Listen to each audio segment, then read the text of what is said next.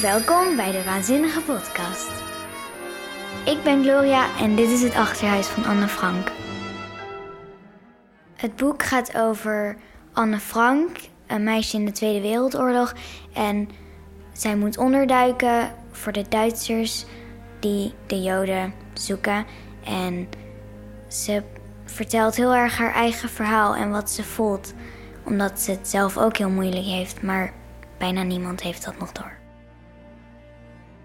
Het zijn dagboekbrieven, dus ze schrijft haar brieven naar een denkbeeldig persoon.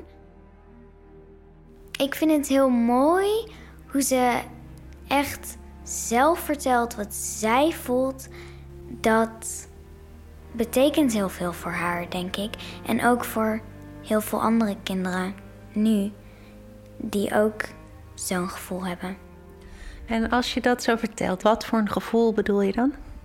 Um, ze zit heel erg in de puberteit als ze in het achterhuis ondergedoken zit. En ze vertelt over hoe ze zich voelt um, en alles wat bij de puberteit hoort. Dus bijvoorbeeld verliefd zijn, uh, ongesteld worden voor meisjes en ja, alles. Het achterhuis is niet groot, maar het biedt wel plek aan acht mensen. Haar vader, haar moeder, haar zus um, en nog een ander gezin.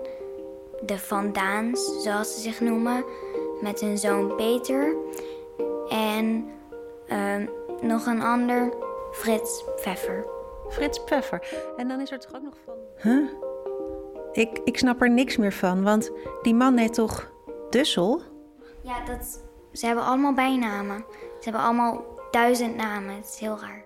Gloria vertelt dat Anne schuilnamen gebruikt voor veel mensen in haar dagboek. Mocht iemand het boek ooit vinden, dan weet niemand over wie het werkelijk gaat. En zo zal het dagboek niemand verraden.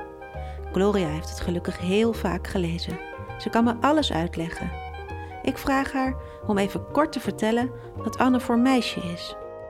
Ja, ze is um, best wel eigenwijs en ook heel nieuwsgierig um, naar de wereld.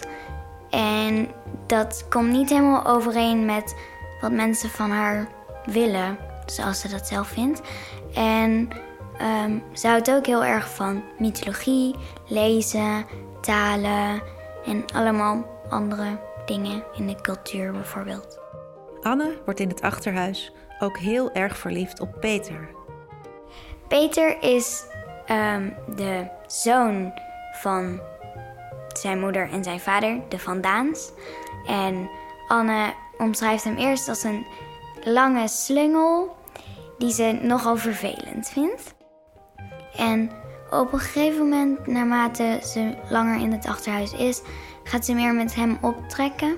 Ze worden verliefd en dat zakt na een tijdje ook weer af. Anne was voordat ze in het achterhuis kwam ook al verliefd op een andere Peter. Aan het begin heeft Anne nog heel erg haar oude Peter, Petel zoals ze hem noemde, uh, in haar hoofd. En dan ontmoet ze de andere Peter. En ze vloeien een beetje samen tot één persoon. En op dat persoon is ze heel erg verliefd. En kan je je voorstellen dat je zo verliefd bent als Anne? Uh, ja, heel erg.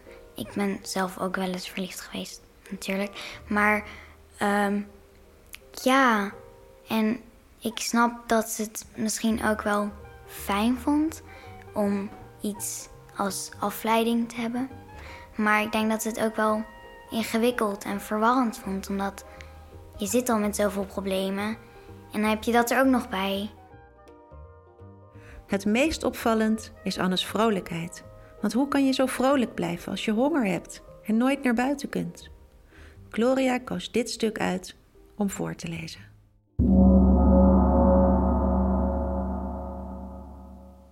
Zaterdag 8 juli 1944.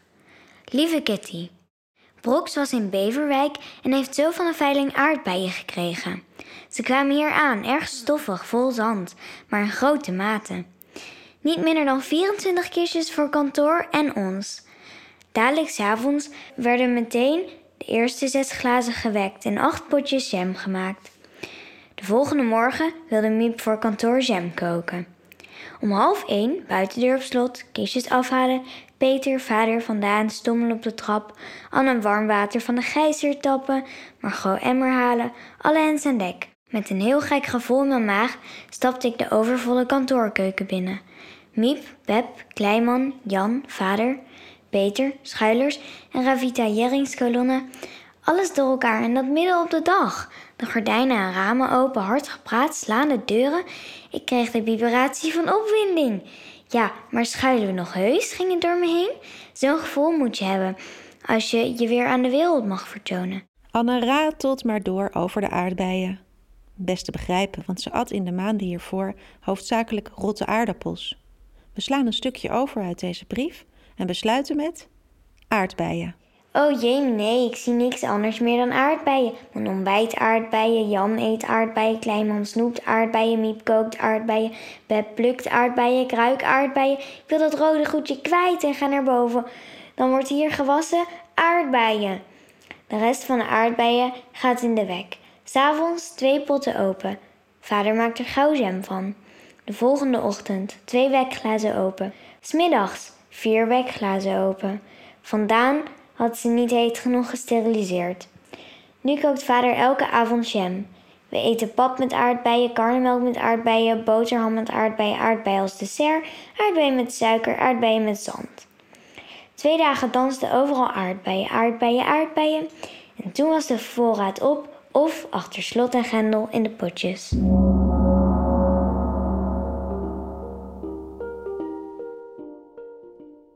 En waarom schrijft ze in dit boek aan Kitty? Wie is Kitty?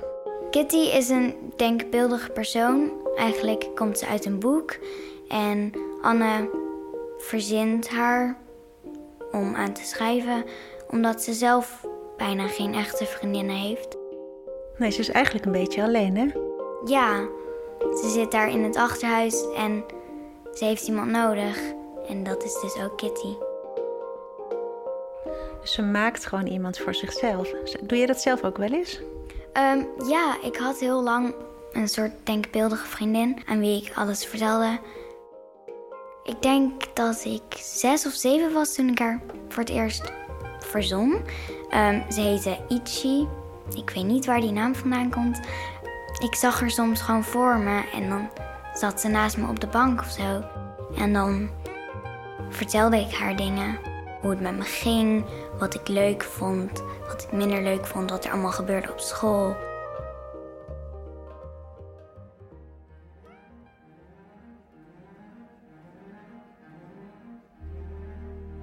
Op 20 juni 1942 schrijft Anne in haar dagboek: Joden moeten een jodenster dragen. Joden moeten hun fietsen afgeven. Joden mogen niet in de tram. Joden mogen niet meer in auto's rijden. Joden mogen alleen van drie tot vijf uur boodschappen doen en alleen in Joodse winkels, waar Joods lokaal op staat. Door wie zijn deze regels opgesteld? Door Adolf Hitler, dat is een soort leider van een grote partij, uh, de NSDAP in Duitsland. En hij heeft heel veel aanhangers en ook heel veel tegenstanders. En hij probeert um, ongeveer de hele wereld te veroveren, omdat hij dan steeds sterker wordt.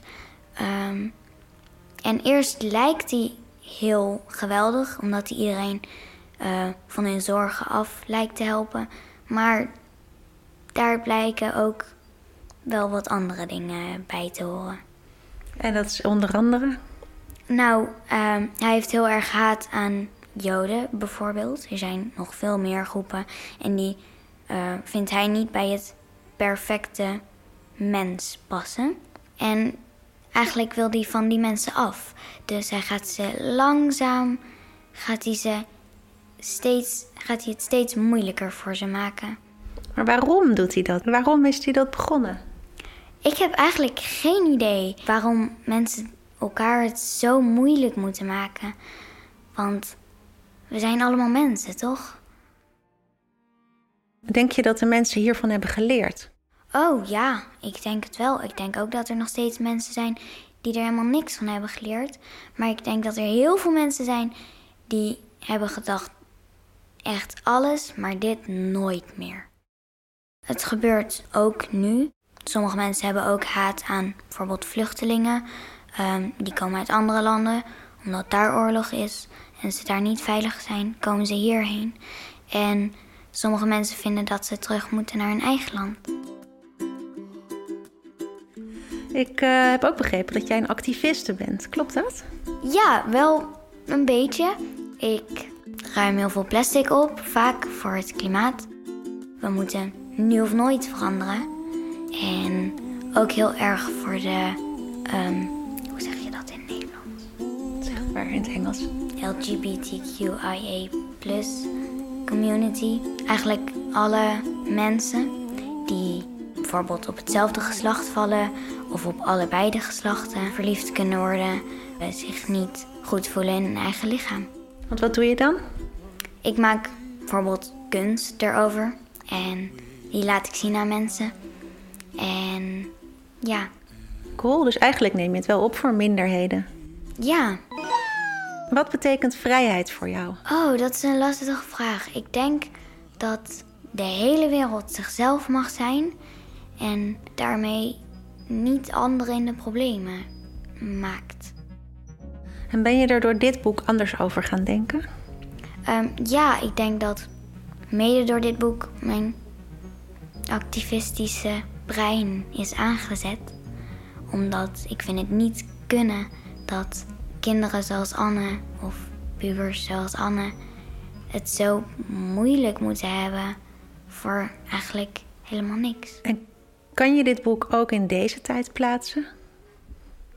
Ehm, ja, heel erg, omdat er nog steeds groepen zijn die gediscrimineerd worden, dus gepest soort van. En helpt dit boek dan? Ja, omdat je leert begrijpen hoe moeilijk die mensen het kunnen hebben. Tot slot heb ik nog één vraag. Zou je andere kinderen aanraden om een dagboek te beginnen? Ehm, ja, als je het gevoel hebt dat je niet helemaal in de wereld past, of zo zou ik het sowieso doen. Want waarschijnlijk krijg je meer het gevoel dat je erbij hoort en dat je ook iemand hebt. Dit was de allereerste aflevering van de Waanzinnige Podcast met groep 8. We maakten deze aflevering in opdracht van de campagne Geef een boek cadeau. Tijdens deze campagne kan je dit boek voor 2,99 euro kopen in de boekhandel. Weet jij al aan wie je dit boek cadeau geeft? Duh. De volgende aflevering wordt over precies vier weken gepubliceerd. Dan vertelt Hanna over het boek Groetjes uit Zeerijp. Ik zit in het kinderboekenleesteam en dit boek stond op de tiplijst van de kinderjury. En het leek me een leuk boek omdat het over Groningen gaat. En er gaat niks boven Groningen. Tot over één maand dus. Bye bye. Dag Gloria. Doei, ik vond het leuk.